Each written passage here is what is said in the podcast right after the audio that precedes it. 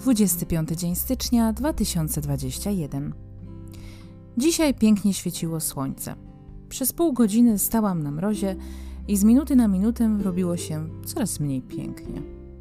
Oszukano mnie na pieniądze. To też na wkurwie wracałam do domu, choć w pewnym momencie uświadomiłam sobie, że dzięki temu trochę bardziej się ogrzeję, a przy okazji szybciej spalę tłuszcz. Zgłosiłam sprawę jako spam, a już po kilku godzinach poinformowano mnie mailem o zwrocie pieniędzy. No, i nas już się tak denerwować, pomyślałam. Później przeczytałam takie zdanie, trochę wyjęte z kontekstu, że trzeba uważać na nasze myśli, bo to nasza rozmowa z uniwersum. Pomyślałam, że to fajne.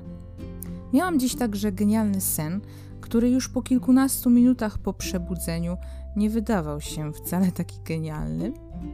Z powodu oszustwa nie zrobiłam zakupów, więc podjadałam chleb młodego, rzecz jasna za jego zgodą. Nie popełnił już tego błędu, chcąc uniknąć ataku jego gniewu. I ogólnie, no, nie jestem dumna z dzisiejszej diety. Za to zrobiłam świetny trening, a jutro kolejny dzień. Malowałam dziś także pana N do filmu i z racji tego, że był pogodny dzień, to nie mam o czym pisać.